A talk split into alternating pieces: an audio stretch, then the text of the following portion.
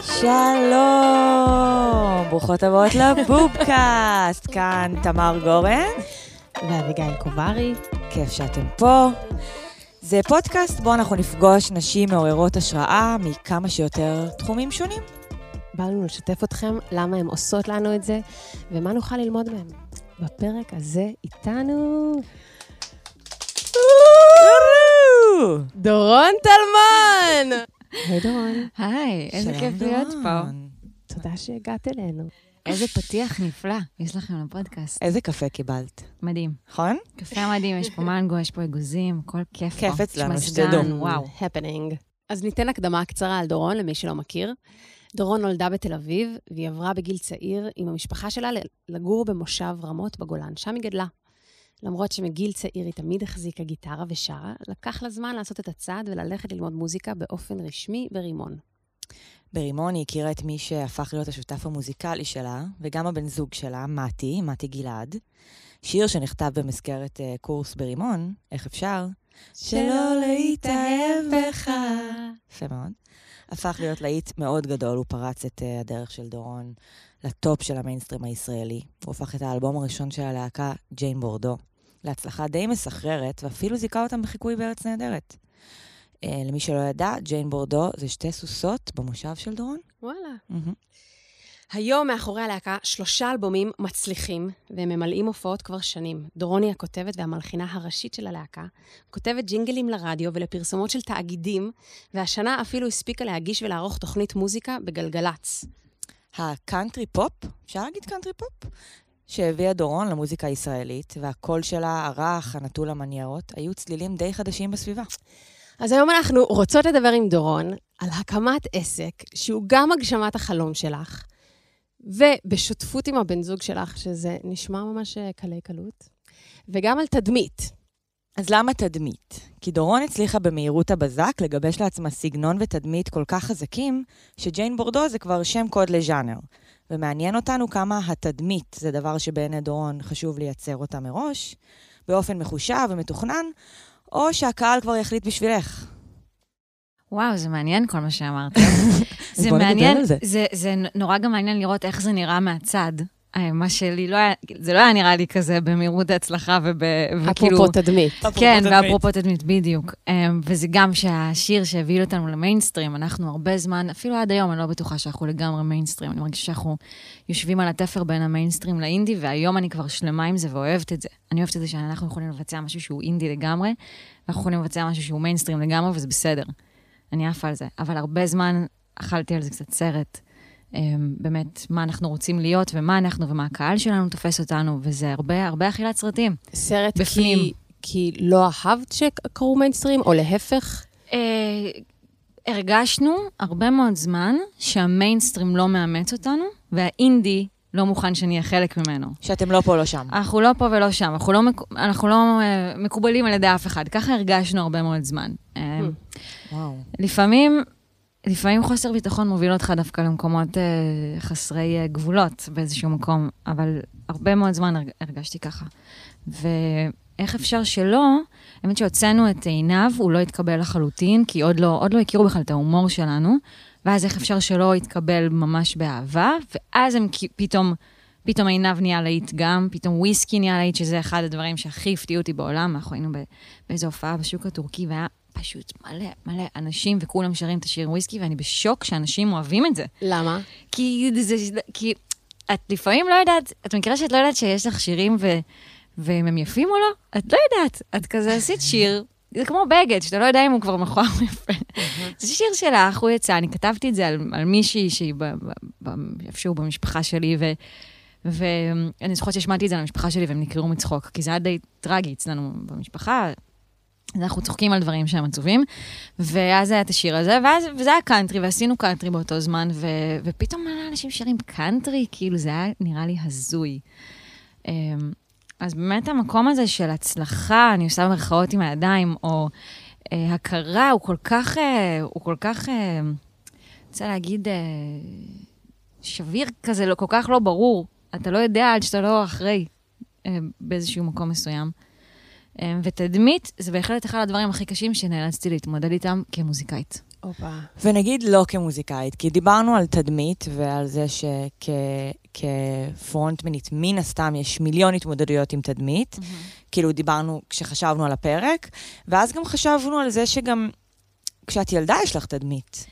אה, אני גיליתי במהלך חיי שתדמית זה משהו שלחלוטין כובל אותי, וכל הילדות שלי, אני עברתי, האמת שנולדתי במרכז, לא בדיוק בתל אביב, אבל עברנו גם לתל אביב, ואז עברנו אה, לגולן, וזה היה מעבר מאוד מאוד קשה. היה לי ממש סיוט, הייתי חוזרת כל יום הביתה בוכה. כי אה, מה? כי ילדים הם? רעים, אבל אני רוצה להגיד שהאנושות היא רעה ואנשים הם רעים, אז כאילו, ככה זה. מה, כאילו הילדה התל אביבית. שהגיעה, או פשוט זה שאת הילדה חדשה? תל אביבית שהגיעה, אנשים, אבא שלי אמר לי שאנשים משלימים פערים. תמיד הם היו, אה, לא יודעת, היו צוחקים, כאילו הייתי עירונית בשבילם. עד היום, אגב, בשביל החבר'ה המושבניקים שלי אני עירונית, ובשביל החבר'ה העירוניים שלי אני מושבניקית. כאילו, אני כל הזמן על החצי הזה, ובגלל זה אני מבינה כמה זה קיים רק בעיניים של אנשים, ולא באמת אצלי, וזה לא באמת משנה. מהמם. אבל, אה, אבל באמת, אה, סתם, היו אומרים לנו שאנחנו עירוניים, ואנחנו מתל אביב, אז יש לנו כסף, ו... ואז אני זוכרת שהייתי שואלת את אבא שלי, כזה, אבא, יש לנו כסף? כזה. ואז הוא אמר לי, דורוני, אנשים תמיד ישלימו פערים. יופי. לגמרי. ההורים שלי אמריקאים, ותמיד חשבו שאני עשירה. כן, זה מדהים. וזה כאילו. גם לא הסיפור, וכן, פשוט כי אנחנו אמריקאים, אז כן. כנראה יש איזה דודה עשירה. אמ, גיליתי שכן, התדמית שלי משפיעה עליי. כי, נגיד, הייתי ב- ב- בתיכון, הייתי מאוד מאוד ביישנית. היה לי גם פחד קהל מהרגע שעברנו לגולן. לפני זה הייתי שרה, כל הילדות שלי ביסודי, כל פסח, אביב. הילדה הכי קרצייה, כאילו, שמתעקשת לשיר את מה נשתנה, ואם מישהו הפריע לי, אני מתחילה מההתחלה. כאילו, ילדה, זה לא היה האופי שלי, זה היה מישהי אחרת. וכשעברנו לגולן, האופי שלי השתנה לחלוטין, כי עשו לי קצת את המעוות, ופתאום נהייתי כאילו רק להיות uh, בלתי נראית. זה סגר אותך. סגר אותי לגמרי, שכחתי שאני רוצה לשיר, שכחתי מזה. כאילו פתאום גיליתי איזו ברכה מחברה שלי בכיתה ד', ברכה מפעם, כאילו, שהיא כותבת לי, אה, שנה טובה, ושתגשימי את החלום שלך להיות זמרת. ושכחתי מזה, כאילו בכיתה ו', שכחתי שאני... הערת סוגריים, טוב לשמור דברים מפעם. ממש. בשביל הדברים ממש, האלה. בשביל ממש. הדברים האלה. זה שווה את זה. היית כותבת בתור ילדה, בתור נערה? כותבת כתבתי שירים? מכיתה י', אבל ממש חרא של שירים. ואני זוכרת שישבתי עם חברה שלי, והיא כזה ניגנה וכתבה, ואז היא כזה אומרת לי, תראי, כתבתי שיר. ואז אני כזה, אה, אפשר לכתוב שירים?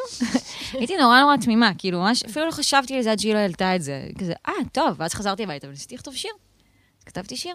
החברה שלי ישבה איתי, היא סיפרה לי מה קורה לה, ואני כתבתי עליה שיר. את זוכרת מה הרגשת כשהשיר הזה נוצר? Um, הייתי מאוד גאה בו, וכל החבר'ה נורא אהבו אותו. זה שיר נורא, עד היום הם מבקשים, כאילו, יואו, זוכרת את יושבים במרפסת? תני לנו משפט, "לא." תני לנו משפט. זוכרת אותו לגמרי, זה נורא. תני לנו. מאוד טינג'רי. נו. Um, יושבים במרפסת, מדברים על הגשם, לי זה לא אכפת בכלל. רוצה לראות אותך, אבל אתה לא נמצא כאן. אתה כל כך רחוק ממני, אתה ממש חסר. הלב שלי עוד יישבר ממך. וואו. למה את אומרת חרא? כי הפזמון. אחרי זה הוא נורא. והפחד במה, שאת כזה, אמ, לי יצא לדבר איתך עליו כמה פעמים, אז את, איך בעצם, כאילו, נפטרתי ממנו. נפטרת ממנו, וגם, נגיד, סתם, אני חושבת שנגיד שומעים את זה, יש, אני חושבת שכל אחד יש לו איזושהי כאילו פנטזיה, שמי שמתעסק במשהו, וזה החלום שלו, אז הכל בא לו הכי בקלות, וזה הפשן שלו, והוא אוהב את זה, ושם הוא מרגיש הכי בנוח. ואת דווקא מתארת את המקום שכביכול במקצוע שלך את אמורה להרגיש הכי בנוח, לא, זה הכי סבל. ודווקא זה המקום שהכי קשה לך. אז דווקא, כאילו, אני חושבת שזה כן מאוד מעניין למי ש... נראה לי להרבה מוזיקאים זה ככה, לא? כאילו, לא משנה מה, אתה כזה נלחם בשדים של עצמך. אני יכולה לראות איך דווקא, אמ, זה שאת מפח... כאילו שהייתה לך חרדת במה, היית יכולה להגיע למסקנה, אולי זה לא בשבילי. כאילו, בדיוק. על מי אני עובדת, ולעצור שם. כן. זה, זה מה שאני כן, אומרת. חשבתי את זה הרבה פעמים. כל הזמן הייתי נותנת תירוץ כזה של אריק איינשטיין לא הופיע, אריק איינשטיין לא אוהב להופיע. כזה, כל- את מוצאת כזה כל מיני דוגמאות, מה כן. מתאים לך. ממש. אהוד בנאי התחיל בגיל 30, ממש, אני כן, סבבה. כן, כן, לגמרי. ואני פשוט, אה, בגלל שזה פשוט הגיע מהרבה מאוד שנאה עצמית, אה, הייתי כלואה בלופ של עצמי. אני חושבת ש... באמת שאני חושבת שהרבה אנשים כלואים בדבר הזה. ואצלי זה היה מאוד קיצוני במשהו ספציפי, נורא התבטא במשהו ספציפי. אני ממש מנעתי מעצמי כל החיים דברים, וזה סיוט. אתה כל הזמן אה, במלחמה עם עצמך, אתה רוצה לעשות משהו, אתה רוצה אותו, משהו בבפנים שלך רוצה אותו. זאת אומרת שזה כל כך אה, אה, מושרש בתוכך, אבל אתה לא עושה אותו כי אתה מת מפחד, וזה פשוט הרגשה נוראית, אתה כל הזמן בקונפליקט. מה זו השנאה. העצמית הזאת? על, על, על הפחדנות. וכל הזמן, אפילו זה ברמה שאת יושבת עם חבר'ה ואת רוצה להגיד משהו ואת לא אומרת, ואת פשוט כל כך מתבאסת על עצמך, כי, בתוך תוכך את בן אדם מלא תשוקה ועם מלא דעות, ואת רוצה להגיד, את, את, כאילו, זה לא שאני בן אדם אה, כזה טימיד כזה, שכזה מפחד וחושב יש מה בפנים להגיד. מלא שאת רוצה להוציא. בפנים מלא, מלא, מלא דעות, ואת פשוט אה, קולטת את עצמך, וזה נורא, זו הרגשה נוראית. וברימון זה ממש הוחרף, כאילו זה ממש בא לידי ביטוי. הייתי נכנסת כל פעם לפני השיעור, לפני שכולם באים, מכבה את הפלורנסנטים, מדליקה את הלדים, כי רק ככה העזתי לנגן שיר מול כל הכיתה, כי אז אני מרגישה קצת שחשוך וקצת כזה מוגן, ואז אני לא נהיית... ברגע שיש אור מוחלט, בשנייה שאני אשב מולם, כולי בוערת כמו עגבנייה אדומה. אז איך עושים את המעבר מזה לשוני? או, מצחיק. אז אני אגיד לך איך, האמת שזה היה בעזרת חברה שלי, כאילו אני מרגישה שאתה פוגש כל מיני מלאכים בדרך שמעבירים לך מסרים, וחברה מאוד טובה שלי מהמושב, אה, הייתי איתה במושב, והיה מין הופעה של אה, זמרת מ... ש... ישראלית שגרה גם למושב לידי, אבל היא גדולה ממני והיא עובדת וגרה בברלין, והיא כזה זמרת די מפורסמת בברלין, קוראים לה עופרין. מדהימה. ואז היא עשתה מין הופעה כזאת בבר במושב, אז כזה כולנו באנו, ואני פשוט הסתכלתי עליה, והיא הייתה כזאת מדהימה, והיא שרה כל כך טוב, וכל כך פירלס, ואני אפילו לא הצלחתי לדמיין איך אני בכלל עומדת שם. עזבי להרים את הכל, להיות מוזיקאית, איך אני עומדת שם איפה שהיא, ואני רוצה... איפה המתגים לאורות? איך אני אתחיל ממש, לכוון את ממש. התאורה? את לא מבינה, פעם אחת נשבר הלדים, הלכתי, כי קלטתי איזה שיעור לפני, הלכתי לאב בית, אמרתי לו, תקשיב, נשברו הלדים בכיתה של הזה, הוא תיקן, וזה תוקן לפני השיעור, ואני כזה, אוי. תשמעי, זה חתיכת כישרון לדעת איזה תאורה מחמיאה לך. זה משהו. מאוד חשוב.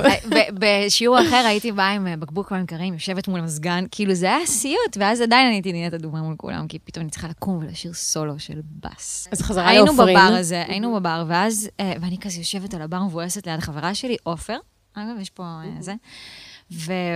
ואז אמרתי לה שאני בחיים, אני בחיים לא אהיה כמוה, אני בחיים לא אהיה כמוה, כאילו, ואני אני עלובה ואני פחדנית ואני בחיים לא אהיה. ואז עופר אמרה לי שהיא היא מאוד חכמה. היא אמרה לי שאני חייבת אה, לסלוח לעצמי, כי אני בלופ של שנאה עצמית, ועד שאני לא אסלח לעצמי, גם אם זה מכנית, אני לא אוכל לצאת מזה. ואני כזה, ו... מכירה שאומרים לך, אתם מכירות שאומרים לכם דברים ואתם לא באמת נופל האסימון, אבל לפעמים כן. מישהו אומר לך משהו וזה בדיוק נופל לך האסימון? אז זה ממש נגע בי, כאילו קלטתי, אני באמת שונאת את עצמי, שונאת, שונאת, אני עלובה, אני פחדנית, אני נוראית. ואז היא אמרה לי את זה, הלכתי לרימון, הייתי באלתור ג'אז לזמרים, היא אמרה לי לקום ולעשות את, הג'... את הסולו של ה-whatever.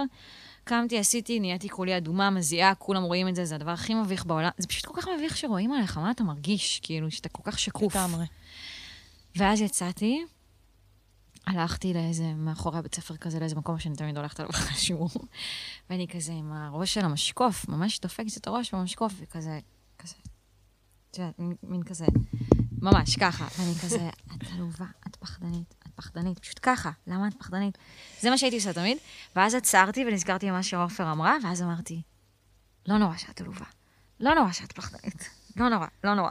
ככה, כאילו ממש מכנית, זה נשמע הדבר... שינית את הסמנטי, את. המשפט. זה ממש מפגר, אבל זה ממש עבד. עכשיו, זה לא בשנייה, אבל ברגע שהתחלתי להגיד את זה, והתחלתי להאמין בזה, וזה באמת לא נורא, אז זה לא נורא אם אני גם נהיית אדומה.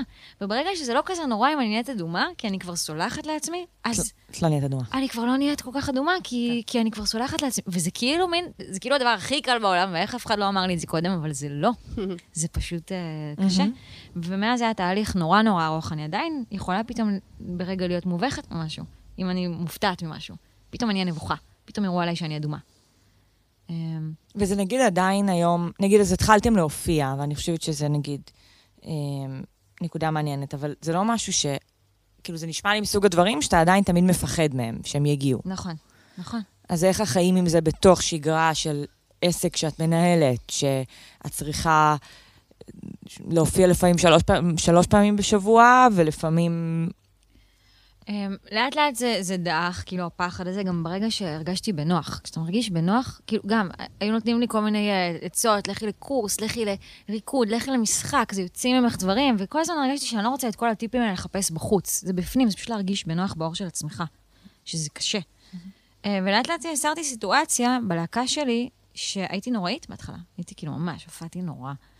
ולאט לאט כאילו הרגשתי בנוח איתם, כאילו הרגשתי שאני צריכה להנהיג אותם, הם סומכים עליי. כאילו שהמטרה היא גדולה יותר מהפחד שלי.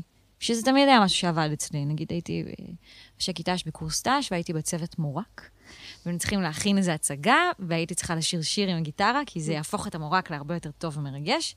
ושרתי את זה למרות שפחדתי פחד מוות, כדי, כדי שהמורק יצא ממש טוב. כאילו, אם יש לי איזו משימה, אז בעיניי היא הכי, היא הכי חשובה. לא משנה מה. נכון, פטנט טוב, שזה... שזה גם מה שקצת קשה לפעמים, לפחות אני אה, נתקלת בזה הרבה, שאני מרגישה שלפעמים, אוקיי, המטרה שלי כמוזיקאית זה השירים שלי, ו- ושם אני נתקעת, שם אני כזה מובכת. אגב, שנאה עצמית, אני בתקופה... אני בתקופה של שנאה עצמית. של שנאה עצמית, אה, בהקשר של ציניות. אני מרגישה שפתאום היה לי איזה כל מיני תובנות בתקופה האחרונה, שאני נורא צינית כלפי עצמי, נורא מזלזלת לגבי מה שאני עושה, מורידה. ולא נותנת לזה את הכבוד הראוי, ובגלל זה דברים קצת יוצאים לי כזה שכונה, או על הדרך, או כל מיני דברים כאלה. כשאת אומרת, עשית את הדבר הזה עם המורק, אז היה כזה, אוקיי, יש פה משהו גדול ממני, יש גם מורשת קרב, יש פה בכלל נושאים מאוד כבירים וגדולים, ואני רק מי כלי. אני הקטנה שצריכה לשיר כן. עם גיטרה עכשיו? אבל כש... כשה...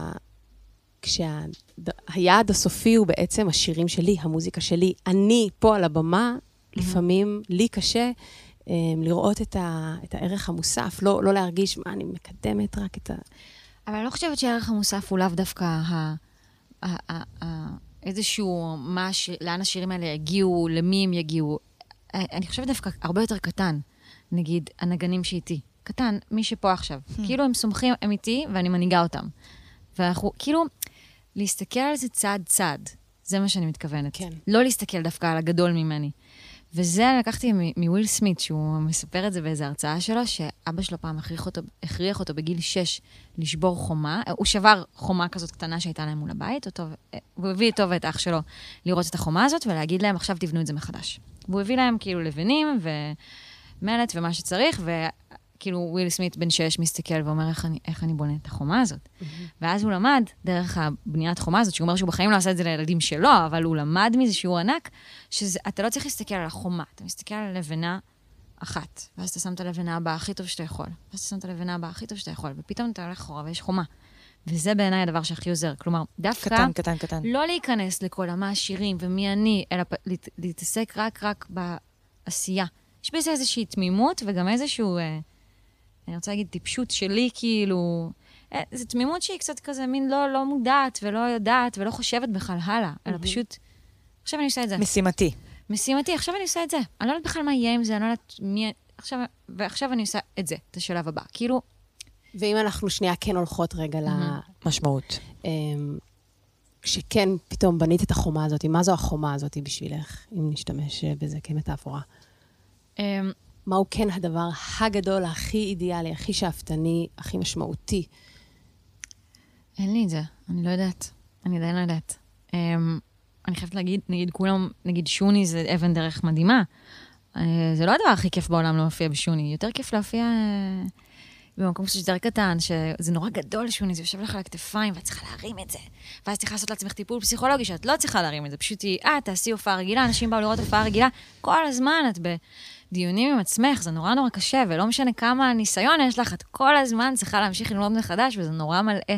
מעניין אותי, נגיד, אפרופו מה שאביגיל אמרה, אם, אם נגיד ברמת המשמעות, אם יש לך איזה, כאילו, אם יש לך איזושהי מטרה משהו או... משהו שמוליך אותי. מוליך אותך, או נגיד גם אפילו איזה רגע שאת זוכרת שאמרת, כאילו, משהו שקרה, שאת אומרת, כאילו, וואו, זאת הסיבה. אה, כאילו מה, למה אני עושה את זה? למה אני בכלל כן, עושה את זה? כן. אמ, א', אני נורא נורא אוהבת לשיר. כאילו, זה בוער בי. אני אוהבת, אני לפעמים שוכחת, ואז אני שרה, ואני קולטת כמה שאני פשוט אוהבת את המלאכה, אוהבת. לשיר. אם אתה כל הזמן אה, מחפש משמעות ומהי הצלחה, גם הצלחה היא כזה דבר חמקמק ולא אמיתי בעיניי, כאילו...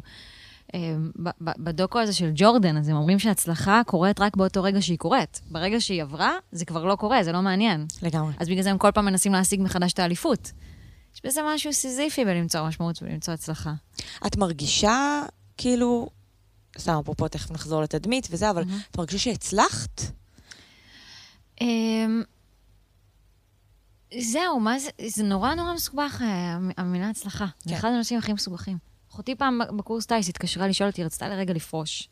היא התקשרה לשאול אותי, מה זה הצלחה? היא כזאת פלספנית. מקשה לפעמים, ואני כזה, לא יודעת נטוש, מה זה הצלחה? הצלחה זה, זה, זה זהו, אז הצלחה זה הכרה, ואנחנו כל הזמן דנות על מה זה הצלחה, ואז אני מסיימת את השיחה שאין לי מושג להגיד לה. מה זה כן. הצלחה. כי מה זה הצלחה? יכול להיות שהצלחה זה גם להיות מאושר ומסופק בחלקך, ולהיות בבית ולא לעשות כלום, כאילו, לא יודעת. מה, כאילו, מרגיש לי שהצלחה זה לא מה שמשנה. שימו את זה בצד, למי אכפת? כן. זה גם ככה כל כך נזיל, זה לא מה שמשנה. אמ, מרגיש לי שהמלאכה משנה, כאילו העבודה. אז אה, אני, אני מאוד אוהבת את זה, ואני חושבת ש- שגם יש משהו ב, במה שאמרת בהקשר של החומה, שהוא, מאו- יש פה משהו גם שהוא מאוד מרגיע, אני חושבת, והוא יכול להיות טיפ טוב למי שחושב שכל מי שיוצר הוא באיזה אג'נדה מטורפת ורואה איזה דרך משוגעת, ולא, לפעמים זה לא יודע, כלום. הדבר הבא. כן, שאפילו אלבום נגיד, הקלטנו, כי מתי אמר בוא נקליט אלבום. אני כזה, אה, אוקיי, בוא נקליט אלבום. ואז כזה, בואו נעשה הופעה בזה. אה, טוב, בואו נעשה הופעה בזה. כאילו, אה, באמת קצת אה, לא מודע לדברים, זה נורא משחרר. אז אפרופו המלאכה, לי ולאביגיל היה, היה איזה דיבור אתמול. ישבנו ושמענו הרבה הרבה שירים שלך. תכף גם לצטט כמה זה... לצטט שיר ככה זה החלום שלי. אנחנו הולכים להגשים לי חלום. איזה, איזה, איזה שיר את רוצה לצטט? אמ, רגע, אני אגיד לפני כן, כן. שבתחקיר שאנחנו עשינו עלייך, אה, הבנו שאני ותמר קצת אה, חולקות על נושא מסוים. אגב, פשטות וציניות, אני הרגשתי שהרבה הרבה טקסטים שלך זה ממש נאיביות. זה ממש הפשטות הטהורה, הטהורה, גם עם מודעות, אבל שאת מתכוונת לזה ברצינות. ואני ראיתי את זה גם uh, כמשהו מאוד מעורר השראה. אגב, זה שאני מרגישה שאני אובר צינית, לפעמים, אם זה במודע או לא במודע, אני רוצה, חשוב לי ש... שידעו שיש פה משהו גם מסובך, גם מחוספס, גם uh, מתוחכם, גם uh, מודע לעצמו, גם uh, אירוני, בלה בלה בלה. שזה אגב לא דבר רע, כאילו... נכון, אבל שאת לפעמים כותבת זה... ומרכיבה את הטקסט שלך. אבל לפעמים אני מרגישה שזה באמת נובע מפחד. איפה זה מפריע לך? כאילו? אגב, תכף אני מוציאה שיר שהוא מאוד מתוק והוא מאוד זה, ואני, הסאגה שלי על זה, זה שאני מפחדת שהוא מתוק מדי. ואז מה? נכון, בדיוק. ואז מה? ואני קוראת את הטקסטים שלך, ואני כזה, וואו, היא פשוט מוכנה לשים את הדברים כפי שהם. ותמר, לעומת זאת, אמ, מרגישה, תגיד לי אם זה נכון, שזה דמות. שאת נכנסת לדמות, שיש שירים שהם בקונספט מסוים, בתפקיד מסוים. אני תמיד הרגשתי כמו שבכל דמות שאני אכתוב, אני תמיד קצת אהיה אני, תמיד יש שם אותי, אבל עדיין אני חושבת שנגיד, אמ, ש, שיש שם איזושהי כניסה לדמות בתחושה שלי, שזה מה שמאפשר לזה להיות גם ל- לפעמים יותר קיצוני אה, ויותר אה, מצחיק. אז אה, תהינו אם את, אה, אם את מרגישה את הדמויות האלה, אם אין לך מושג על מה אני מדברת. ו... רוצה אולי שנביא... יש התערבות. יש כן. לי תשובה לזה, אבל מעניין אותי על איזה שירים אתם מתייחסות. אז אני אצטט. אני זוכרת שפעם ראשונה שמעתי את השיר הזה, אני רק אגיד, שמעתי, עוד מישהי מרגישה ככה. Mm, וואו. אני רוצה לבכות, אני רוצה דמעות, כמו מפל, כמו מזרקה, כמו מבול, כמו בריכה. אז אל תפסיק אותי, זה לא קשור ללוותר. כשאת בוכה את לא יפה, עושה לי רק לבכות יותר. כואב לי הלב, כואב לי הגוף. כואב לי הצד, כואב הפרצוף. כואב לי לחיות, כואב לי למות. כואב לי להיות, כואב לי בדידות. כואב לאהוב, כואב לעזוב. כואב לרצות, כואב לנסות. כואב העבר, כואב המחר. כואב לחשוב, כואב מה שטוב. אז נגיד לגבי השיר הזה. אוקיי, שאלה ממש מעניינת מה ששאלתם. כי זה היה ספציפית בתקופה שהתחלתי, אה, זה האלבום השני. והאלבום השני, אתה כאילו חושב שאתה לא מושפע מתסמונת האלבום השני, אתה בטוח שאתה לא מושפע מזה, אתה אומר לכולם שאתה לא מושפע מזה, אבל אתה... שבוא כן. נספר רגע מה נחשב. אה, סינדרום האלבום השני. סינדרום האלבום השני זה כשאתה הוצאת אלבום ראשון, ועכשיו יש ציפייה לאלבום השני, והציפייה של אנשים, לא משנה מה היא, אתה קצת מושפע ממנה. האם תמשיך את אותו קו, האם ת... האלבום הראשון, אף אחד, לא חשבתי שאף אחד אי פעם יקשיב לו. אז פשוט כתבתי מה שבאותו זמן נגע בי. והוא הצליח נורא. והאלבום, כן, שאני גם, אני לא יכולה לשמוע אותו, אגב, אני לא יכולה לשמוע את עצמי שרה שם, אז אני, לא, אני עדיין לא מבינה. אבל האלבום השני, אז כאילו ניסיתי להוכיח את כל מה שאני לא באלבום הראשון. זאת אומרת, אם תפסו ממני באלבום הראשון מתוקה, פעם אני הרבה יותר מאוהרת. אם, ת- עכשיו, זה לא במודע, אני הייתי בטוחה שאני לא, לא אכפת לי מה הקהל חושב, לא אכפת לי מה המבקרים חושבים, אני עושה את מה שאני עושה. אבל בדיעבד, זה מחלחל עליך גם אם אתה לא יודע שזה מחלחל. ו- בטח. וכאילו הרגשתי שאת האלבום השני יותר כתבתי למוזיקאים. אמ, השתתפתי ב... פתאום, כי, כי פתאום הכרתי מוזיקאים. לפני זה לא הכרתי מוזיקאים, זה אגב התמימות. באתי שאני לא מכירה את הסצנה, ויש בזה משהו נורא חופשי. אני לא כלואה בדמות. שלי, כי לא אכפת לי בכלל איך תופסים אותי, כי אני לא מכירה אותם.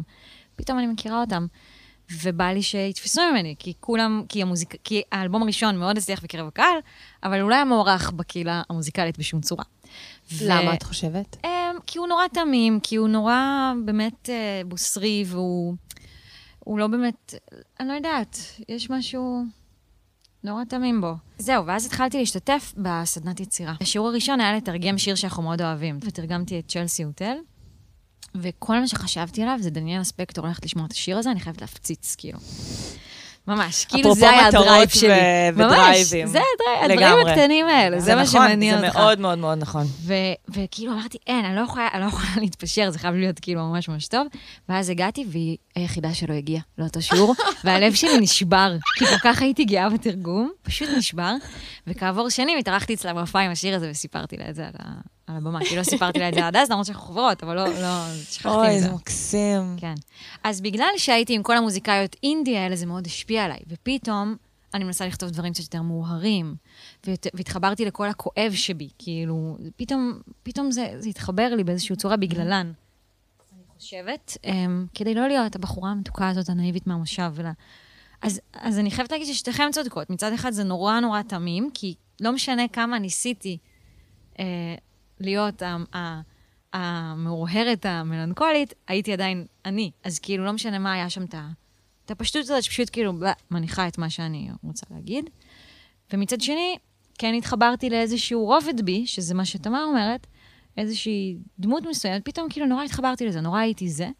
אפילו זוכרת שהיה איזה רגע שמעתי, אמר לי, אחרי שכתבתי כבר כמה שירים כאלה, אמר לי, די עם הכואב, טוב, די. כאילו, כי הוא פתאום, הוא לקח את זה גם על עצמו, שכאילו, כל כך כואב לי כל הזמן. אבל כאילו, I channeled into it, זה היה איזו כן. תקופה, וזהו, סיימתי עם זה. אה, אני רוצה לחזור לדברים המעניינים שפתחנו זה מה מקודם, ש- שאת אומרת, למה חושבים שאני מתוקה? אני...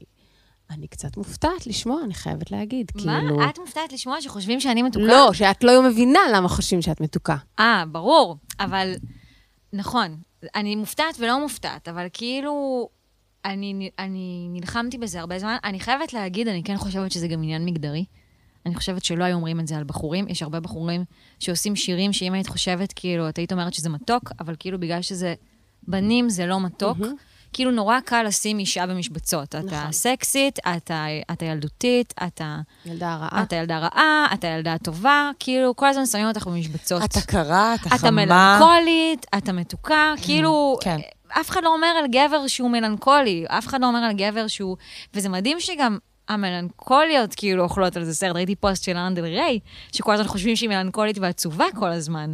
וזה קטע כמה לכל אחת מפריע מה שכאילו, כן. שס- ש, שמישהו לוקח אותה ושם אותה במשבצת, ואת. לאו דווקא רוצה להיות במשבצת הזאת. אבל מצד שני, לפעמים יוצאים הדברים שאנחנו לא מודעות אליהם, אבל, אבל יוצאת אמת, בלי, בלי, בלי, בלי לשלוט בזה. אם את מתמסרת לזה, כלומר. אני אומרת, בלי... אם את, אם, את, אם, את, אה, אם את אה, נותנת לאנשים אה, כאילו להגדיר אותך, בסדר, אם את לא לוקחת את זה ברצינות, נגיד לצורך העניין, ואת נותנת למה שהם רואים לצאת. וכאילו... זהו, אז, אז זה היה ממש תהליך, כי, כי באלבום השני אז נורא ניסיתי להיות כזה, ובאמת, האלבום השני קיבל ביקורות יפות ממוזיקאים, ממבקרים, אבל הוא פחות כאילו הצליח עם הקהל, וזה זה לא משנה לנו, אבל כאילו, כאילו הבנתי שהכל הבל הבלים. אחרי האלבום השני הבנתי שהכל הבל הבלים. אני מצטערת אם אני מדכאת תרחיבי, מישהו. תרחיבי. כולנו הולכים למות, הכל הבל הבלים, ופשוט צריך להתעסק ביצירה, כאילו, זה איזה מין... אה, מה, הפריע לך ש... שהיצירה שלך הושפעה הבנתי הזה? שהיצירה שלי הושפעה בדיעבד, לא הבנתי, תוך כדי חשבתי, לא, אני הכי ביצירה, אני הכי זה, רק אחרי זה הבנתי שהיא כן הושפעה, ושבאמת, הכל הבל הבלים, אני לא משנה מה אני אעשה, אני לא אצליח לשלוט באיך שאנשים רואים אותי. אז אני כן. אפסיק לנסות לשלוט בזה, כי fuck it. ונהייתי פשוט, האלבום השלישי, הלכתי על זה עד הסוף. האלבום השלישי, הייתי בחופש. כאילו בחופש יצירתי. הלכתי לכיוונים שכאילו בא לי ללכת אליהם, דברים שמעניינים אותי, שירים שהם סופר מתוקים או לא סופר מתוקים, זה לא מעניין אותי. אם זה טוב, זה טוב. והאלבום השלישי, אני מרגישה שיצאתי לחופש. איזה יופי. אמ, אז אלבום ראשון, נסכם את זה רגע לקהל, למאזינות שלנו, שהם גם מתחומים שונים, ואני חושבת שזה נורא יפה לדבר על, על דרך בהקשר שאם באלבום הראשון היה משהו נורא תמים ולא יודע, ובאלבום השני היה משהו נורא מרצה, את מרגישה שבאלבום השלישי הצלחת להגיע לאיזושהי רמה של סינרגיה. גם עם עצמי, הצלחתי להבין שאני לא יכולה לשלוט, לא משנה מה אני אנסה, אני לא אצליח לשלוט שהמושבניקים. יראו בי מושבניקית או עירונית, ולהפך, אני לא יכולה לשלוט במה אז, שאנשים אז חושבים. מעניין שאת מדברת על שליטה, כי לפני אה, איזה שבוע ישבתי עם חברה טובה שהיא אה, קטנה ממני בעשור, שאני מציינת את זה כי נראה לי זה גם עניין של דור, שהיא בכלל בתחום הסטארט-אפ וההייטק וקריירה כזאת, והיא דיברה על זה שהיא חושבת שצריך לשבת ולחשוב טוב-טוב איך את רוצה שאנשים באיזה talk יגידו, אה, דורון טלמון, זאת שעושה את המוזיקה, XYZ.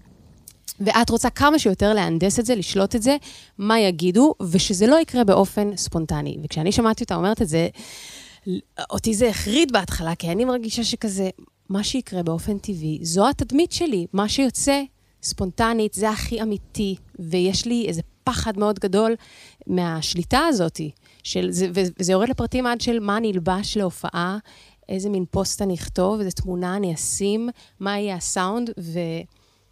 ומ... אבל אני קצת מרגישה שהיא קצת שכנעה אותי, כי יש משהו בסלופינס הזה של כזה, טוב, לא, לא באמת אכפת לי, גם זה תדמית. נכון. גם זה... גם זה תדמית, נכון, בדיוק. נכון, בדיוק. וזה, וזה, וזה מתעתע.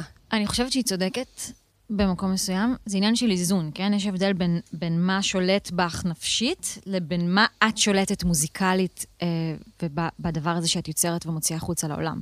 כלומר, אם זה מתעתע בך נפשית ובמי שאת, זה לא טוב. אבל אם את יודעת טוב מאוד מי את, אבל את עכשיו רוצה להוציא את האלבום הזה ולהגיד את האמירה הזאת, ושזה יהיה עטוף ב visual הזה, כי זה מה שאת רוצה לשדר באלבום הזה, זה נכון.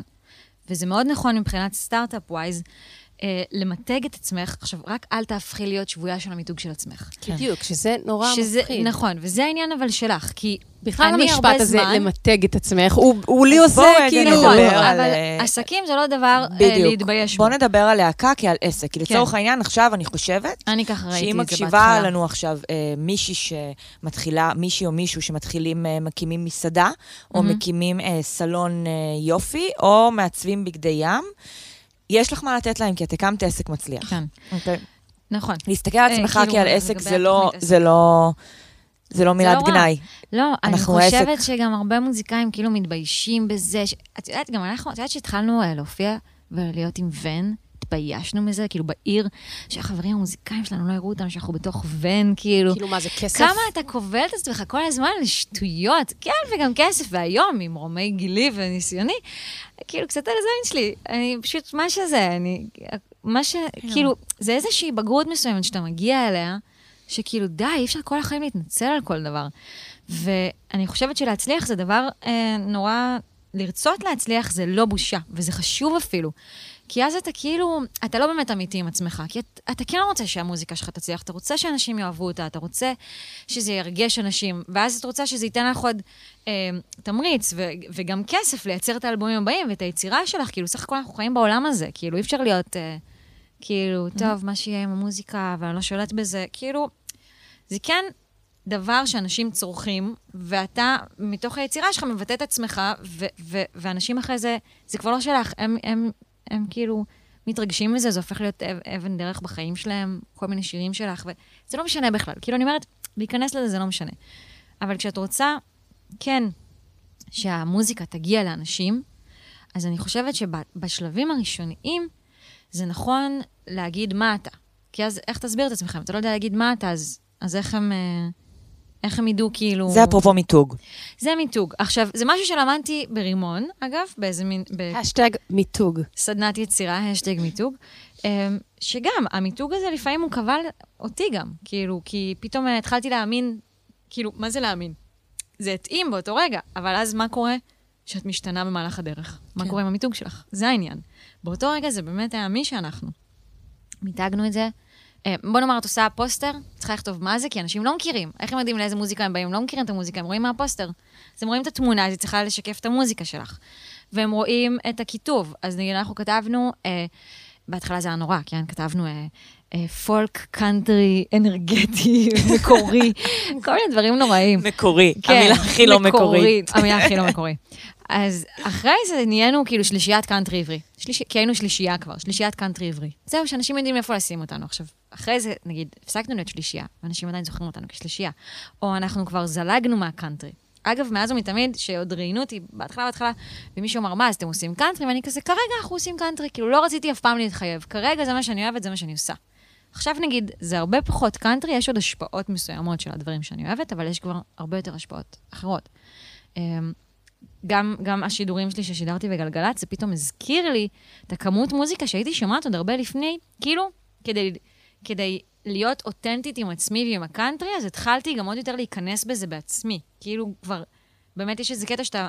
אתה רוצה להיות? אותנטי, להצדיק את זה, בדיוק. כן, אני לא אוהבת זה, אני לא אוהבת זה, אני לא אוהבת. קאנטרי, רק אני אוהבת קאנטרי. ואז כל פעם. שמבקשים ממני לעשות פלייליסט, אני עושה פלייליסט עם שירים של כל מיני קאנטרי, כי זה כבר הדמות שלי, זה כבר התדמית שלי. וזה המקום שאתה נהיה שבוי בתדמית שלך. אבל זה איזון, כאילו, זה צריך לקרות. ואז אתה צריך להשתחרר מזה. כאילו, זה לא, זה לא נורא שזה קורה, זה חלק, זה חלק מהתהליך הזה. אז אולי אה, נדבר רגע על שיר הקנאה. אה, לעינב. עינב. רוצה לצטט? שזה מדהים, שבעצם זה אחד הלהיטים הראשונים שלכם, נכון? רק דיברו כמה אתם מתוקים, מתוקים, מתוקים, מתוקים. זה אחד השירים ה... הביצ'ים, הקשים, התחרותיים. כן. ה- כאילו, בוא נגיד, אני הייתי קצת אה, מתפדחת להודות בכל מה שאת מודה בו, ואני רק... אה, אפרופו גם דמות לא דמות, כן? כן. בוא נצטט ונדבר על קנאה, נושא אהוב עליי. לכל אחת ישנה אחת שלא נותנת לה מנוח. לכל אחת ישנה אחת שמוציאה לה את הכוח. בוא נאמר שלשלי קוראים עיניו, בוא נאמר ששערה גוון זהב, בוא נאמר שזו לא הוצאת דיבה, אם אגיד שהיא אפילו די כלבה. עינב, עינב, לכי תחזרי למושב עכשיו. אני לא מקנאה, כן, זה לא המצב. העיר הזאת קטנה מדי לשתינו. זה קטע, קודם אמרת שכאילו השירים הם נורא עם uh, תמימות, ו- ויש בהם גם הרבה ציניות ברובם, אבל הציניות היא תמימה. נגיד, היום לא הייתי כותבת ככה. למה? הכתיבה, איך שאני מנסחת את הדברים, היא קצת תמימה. כאילו, כן. הוצאת דיבה, דברים שלא הייתי כותבת היום. כן. אה, לא הייתי כותבת ככה היום. כן. אז זה המקום התמים, אבל הכל מאוד מאוד ציני. ומה שאני מדברת על עינב, אמ, זה שיר שהוא צוחק על עצמי, בעיקר. הוא צוחק עליה, הוא צוחק עליי, הוא צוחק על כל הבנות, כאילו. הוא, הוא היה לי מין טיפול פסיכולוגי גם בדיעבד, כאילו, הוא גרם לי להתמודד עם קנאה, כי לפעמים קרה שקינאתי, ממש, קינאתי, קינאתי, אש, אני מקנאה, אני כאילו... יש מישהי שהיא כל מה שאני לא, אני בחיים לא אהיה היא, וכאילו, וזה באסה, ואני קצת שונאת אותה.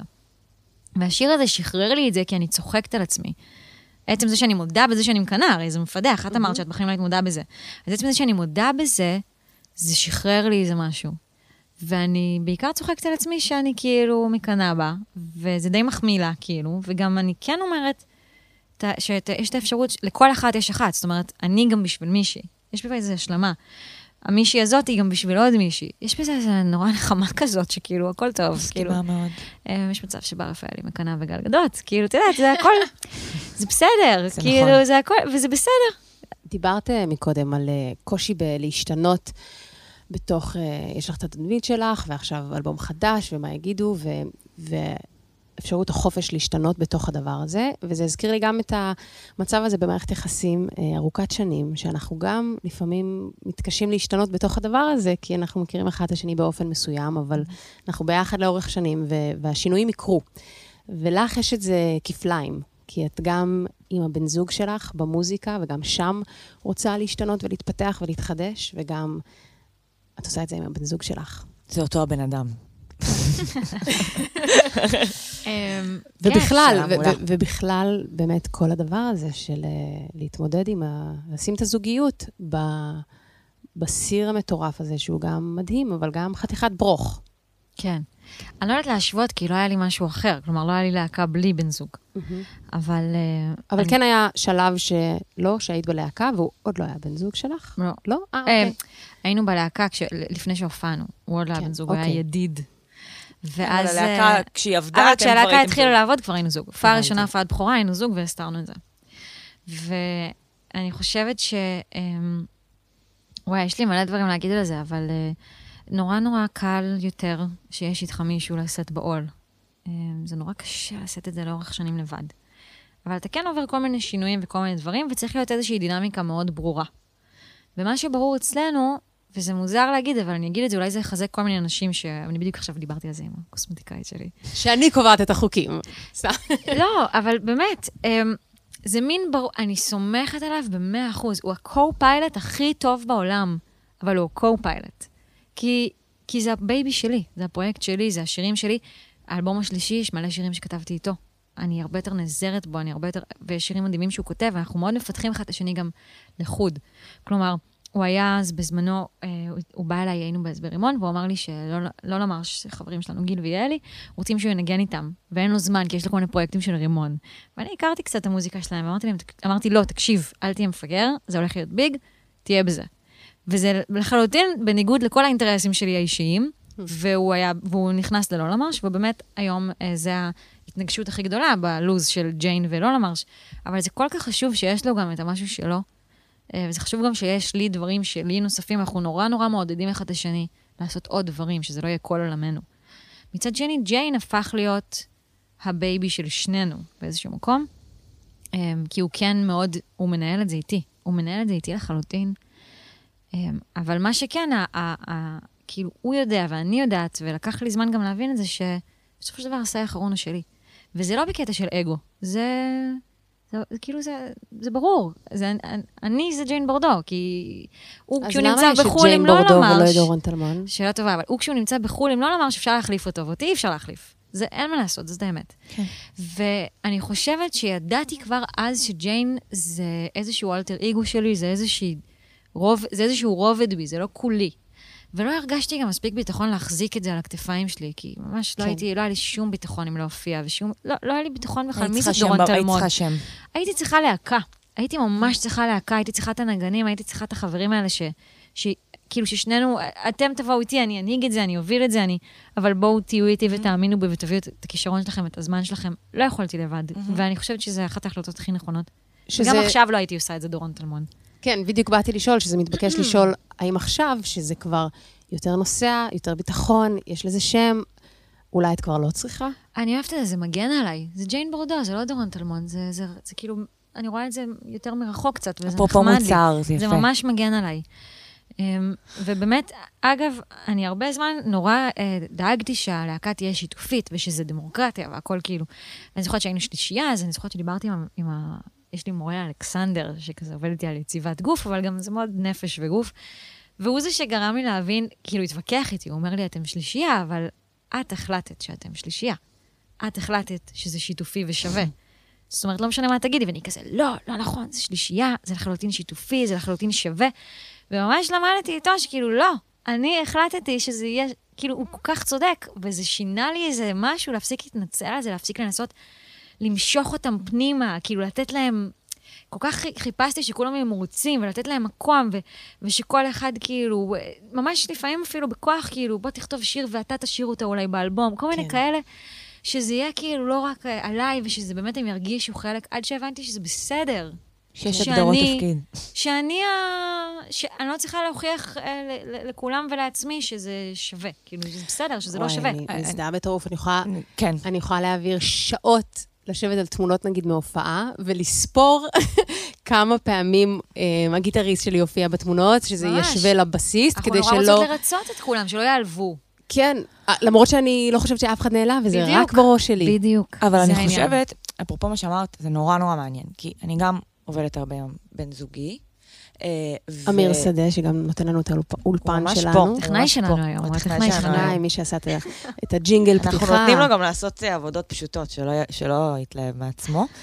אז אפרופו זה באמת, יש לנו, אנחנו עושים המון דברים ביחד שונים, ואני נורא אוהבת הגדרות תפקיד. כי אני מאמינה שאם אני הבמאית, אה, והוא המוזיקאי שאני עושה לו קליפ, או נה נה נה נה, אז יש סדר. אני אוהבת הגדרות תפקיד. אגב, זה מרגיש לי יותר מורכב מאיתנו.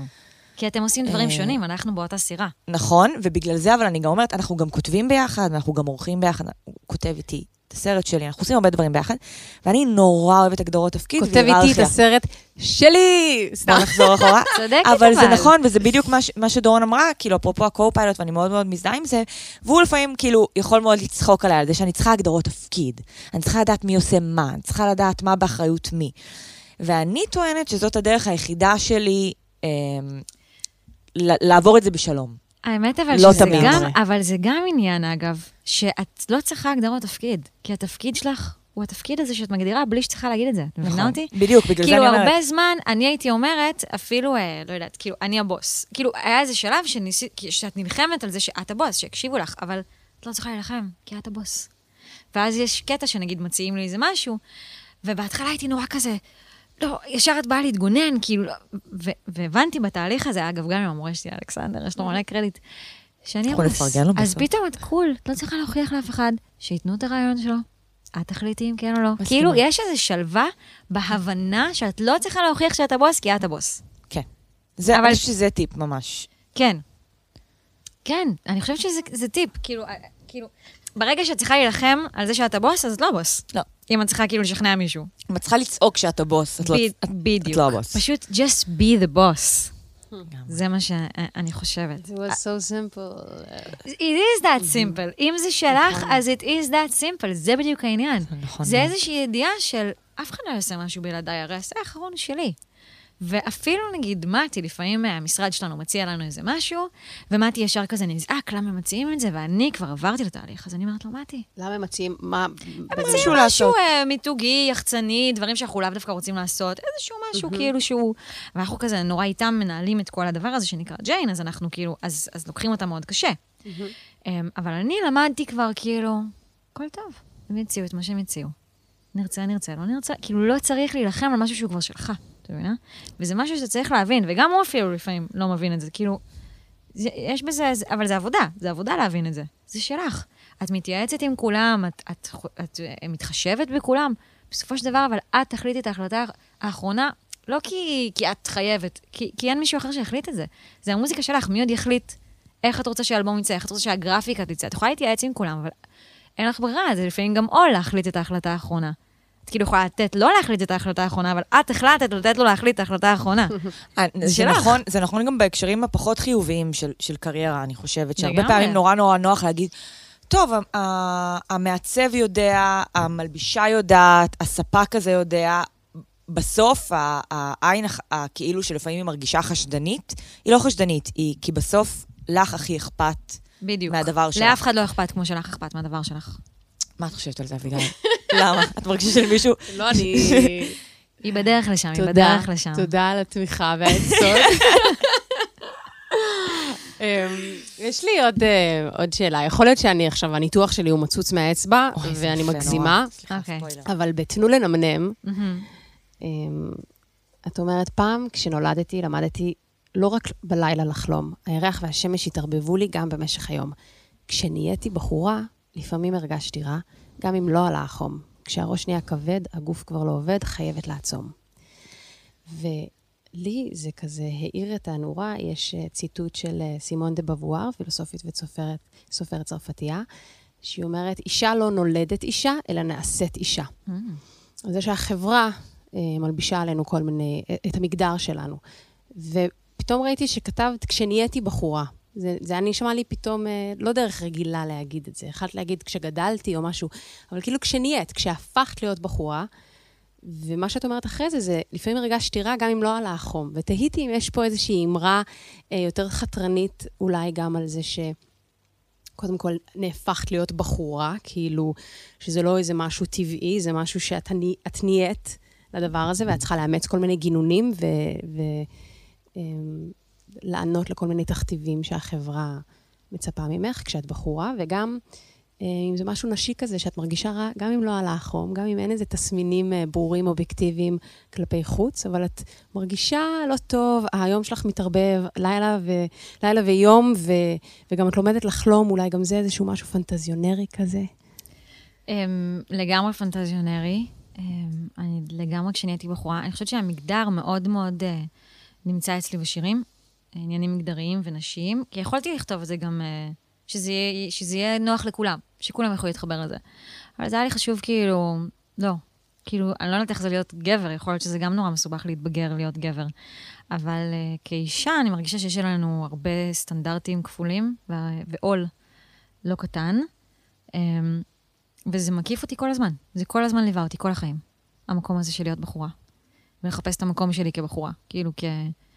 Um, בין בנים, או בין בנות, או להב... כאילו להבין איפה נוח לי ואיפה... זה דבר קשה להיות אישה. ובהקשר הזה שגם של הזוגיות, האם לפעמים את מרגישה שזה יכול להחליש אותך, זה שאת בעסק, בעסק עם בן זוג, אם זה מרגיש שכזה את נעזרת בבן זוג, או שזה מעצים אותך. כי אני יכולה הרבה פעמים להרגיש גם, הבן זוג שלי הוא, הוא צלם, ואני נעזרת בו מלא בלי סוף, מצלם לי קליפים ותמונות יח"צ ומביים. צילם את התמונה של הבובקאסט, שתדעו. ולפעמים אני יכולה להיכנס לאיזה תסבוכת uh, עם עצמי, האם אני כאילו... האישה שצריכה כזה את העזרה של הבן זוג שלה, שיעזור לי בהכל, והוא כזה, כזה משיג לי מלא דברים ועושה מלא דברים, ו... או, רגע, כאילו, זה מעצמה קטנה של שנינו, של יצירה משותפת. אמ, יש לי, כאילו, סתם, אני אגיד לך איזה משהו, היה איזה פעם אחת שהופענו בשוני, וכל ה, כל הלהקה הייתה בנים. היה גם, אה, אירחנו גם אה, תזמורת קאנטרי כזאת של אה, כינור וחצוצרה ובנג'ו, והכל היה, והכל היה גברים. ולרגע אמרתי, יואו, אנחנו רק גברים על הבמה, ואני, כאילו, צריך, צריך להוסיף נשים איפשהו. ואז, יכול להיות שחיפשנו מופע חימום, היה לי חשוב שאחד מהמופעי חימום יהיה להקה של נשים. אבל אז דווקא מישהי מבקרת ראתה את זה אחרת. היא הסתכלה על זה, ואני נורא כאילו אמרתי, יואו, אולי זה לא בסדר, והייתי צריכה כאילו לדאוג שתהיה... אחרי זה, אגב, הוספנו קלידנית, והיה לי חשוב שזה יהיה קלידנית, אישה, כי די, כאילו, די, אני לא יכולה to, uh, to preach it and not uh, to, to practice. אז, uh, אז אני, אני זוכרת שהיא הסתכלה על זה, וזה נורא נורא ריגש אותי, היא אמרה שהיא ראתה כאילו מלא גברים על הבמה, ואישה אחת שמנהלת הכל. היה בזה, ויש, ופתאום קלטתי את העוצמה של זה גם.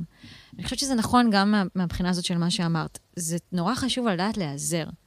אמ, זה גם למדתי, אגב, מאחותי בקורס טייס שלה, כי בהתחלה הרבה נשים רוצות לא להיעזר, אלא להוכיח שהן שם בפני עצמן. אבל היא יודעת שיש דברים שהיא יותר חלשה בהם, ויש דברים שהיא יותר חזקה בהם. בקורס, כאילו, אם זה מבחינה פיזית בכל מיני דברים. אז מצד אחד היה חשוב להוכיח, מצד שני היא קלטה שהבנות שלא שורדות את הקורס, זה אלה שלא מוכנות להיעזר ו- ו- וכאילו מנסות להסתדר לבד ולהוכיח. כאילו, אתה צריך כל הזמן להילחם. אתה יכול גם לפעמים להניח ולתת למישהו לעזור לך, זה בסדר, זה לא אומר שאתה פחות חזק, זה להפך, יש בזה איזושהי, יש בזה איזשהו חוזק להציל כן. סמכויות. כן, כן? גם, כן, בהקמת עסק באמת יש שלב מאוד מאוד ארוך, שהוא כל הזמן לבקש טובות, כל הזמן. יש בזה משהו, נכון? אנחנו נעזרות בלי סוף, ולפני שהקלטנו, את גם דיברת על זה שאת שונאת לבקש טובות, כאילו, נכון. כאילו כמה זה... אני חושבת נכון. שבעיקר בהקמת עסק יש המון, המון, המון, המון דברים.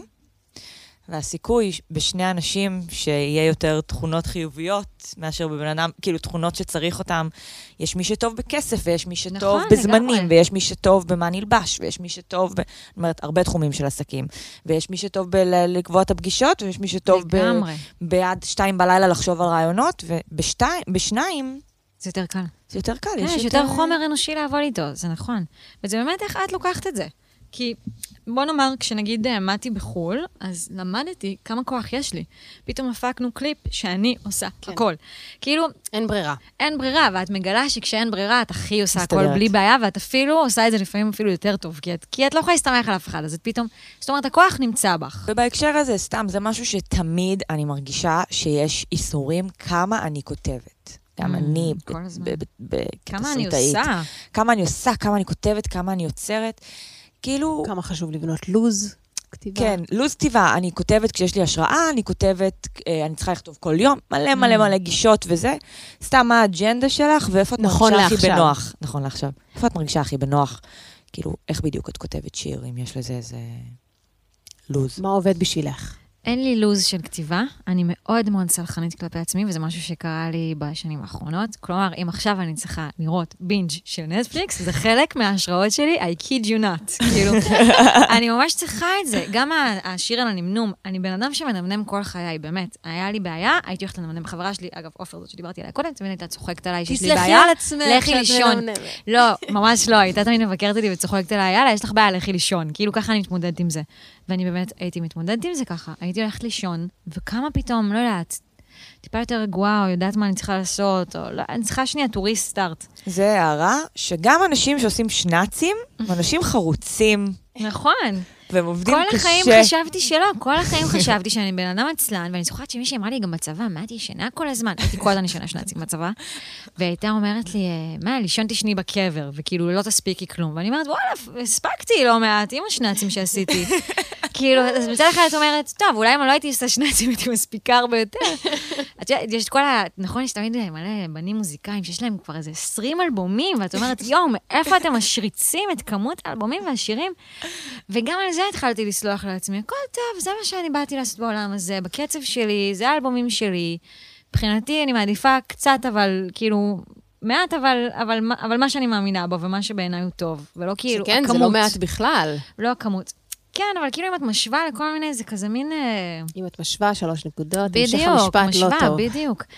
אז כאילו, אני ממש, ממש סולחת את עצמי מבחינת כתיבה. אה, מתי, אגב, הוא בן אדם חרוץ באופן בלתי נסבל, ולפעמים אני יכולה להשתגע מזה שהוא כאילו באולפן, ועושה, וכותב.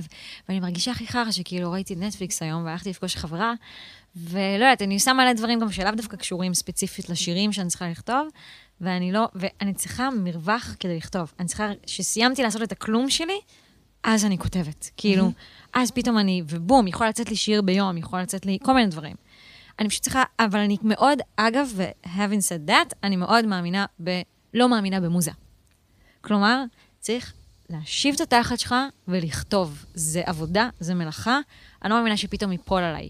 כן, אני נוסעת באופניים ונופלים, ויש לי פתאום איזה מלודיה ואני מקליטה בפלאפון בלי סוף רעיונות, אבל אחרי זה אני צריכה לשבת, להוציא את הרעיון הזה מהפלאפון ולכתוב לו מילים ולפתח אותו לשיר, וזה עבודה. זה זאת מלאכה. אומרת שזה מין שילוב בין... עצלנות לחריצות. ונטפליקס. ונטפליקס. בדיוק. וסלחנות, וסלחנות. עצמית. וסלחנות. נראה לי הכי חשוב. כן. אז אנחנו עושות עכשיו את הפינה שאלות מהשרוול שלא חשבנו עליהן קודם בדקה. עם דורון טלמון, ובזה נסיים. אני מתחילה, אביגיל. אוקיי. מלון כתום או ירוק? כתום, מתוק. מה האתגר הכי גדול שיש לך השבוע? אני הולכת לצלם סרט סטודנטים, ואני בחיים לא שיחקתי. וואו. אה, ביונסה או ריאנה? ריאנה. מה הטוקבק הכי מוזר שקיבלת? מה הילדה הזאת אה, שמתעסק, שכל החיים שלה זה לבבות ושושנים, ורק טוב מבינה בכלל בעומק? מה השעה המושלמת לקום בבוקר? עשר. אם לא היית אה, זמרת יוצרת, מה היית? סופרת. אם הייתי יכולה לעשות ניתוח פלסטי. חלום שלי, כאילו, כן? אני לא יודעת איך לכתוב ספר. נעבוד על זה. אם הייתי יכולה לעשות ניתוח פלסטי, מה היית עושה? אמ, או, סליחה. אמ, עיניים? לא יודעת. ציצים, מה עושים? אין לי מושג. ונגמר הזמן. אף! too late, עושים לך על העיניים. שפתיים! דורון יוצאת מכאן. שפתיים! סתם, אין לי מושג. שאלה נוראית, סליחה. האמת שזו שאלה קשה. שאלה דוחה. בגדול לא הייתי עושה ניתוח פלסטי. יפה. דורון, תודה רבה רבה רבה על הזמן היקר שלך ועל השעה תודה הנפלאה. שהעברת איתנו. בא לי להישאר פה עוד ולדבר. כן, היינו צריכות ממש בכוח לעצור את לעצור עצמנו, את כי היה. נורא מעניין. אז רק תודה. נסכם בלהגיד שאנחנו עוד פעם היינו בובקאסט, ואתן מוזמנות לפנות לשתינו באינסטגרם שלנו, אה, וגם לדורון, סתם. אם היא כבר פה, תכתבו לה. תודה שהייתם איתנו, וניפגש בפרק הבא. ביי.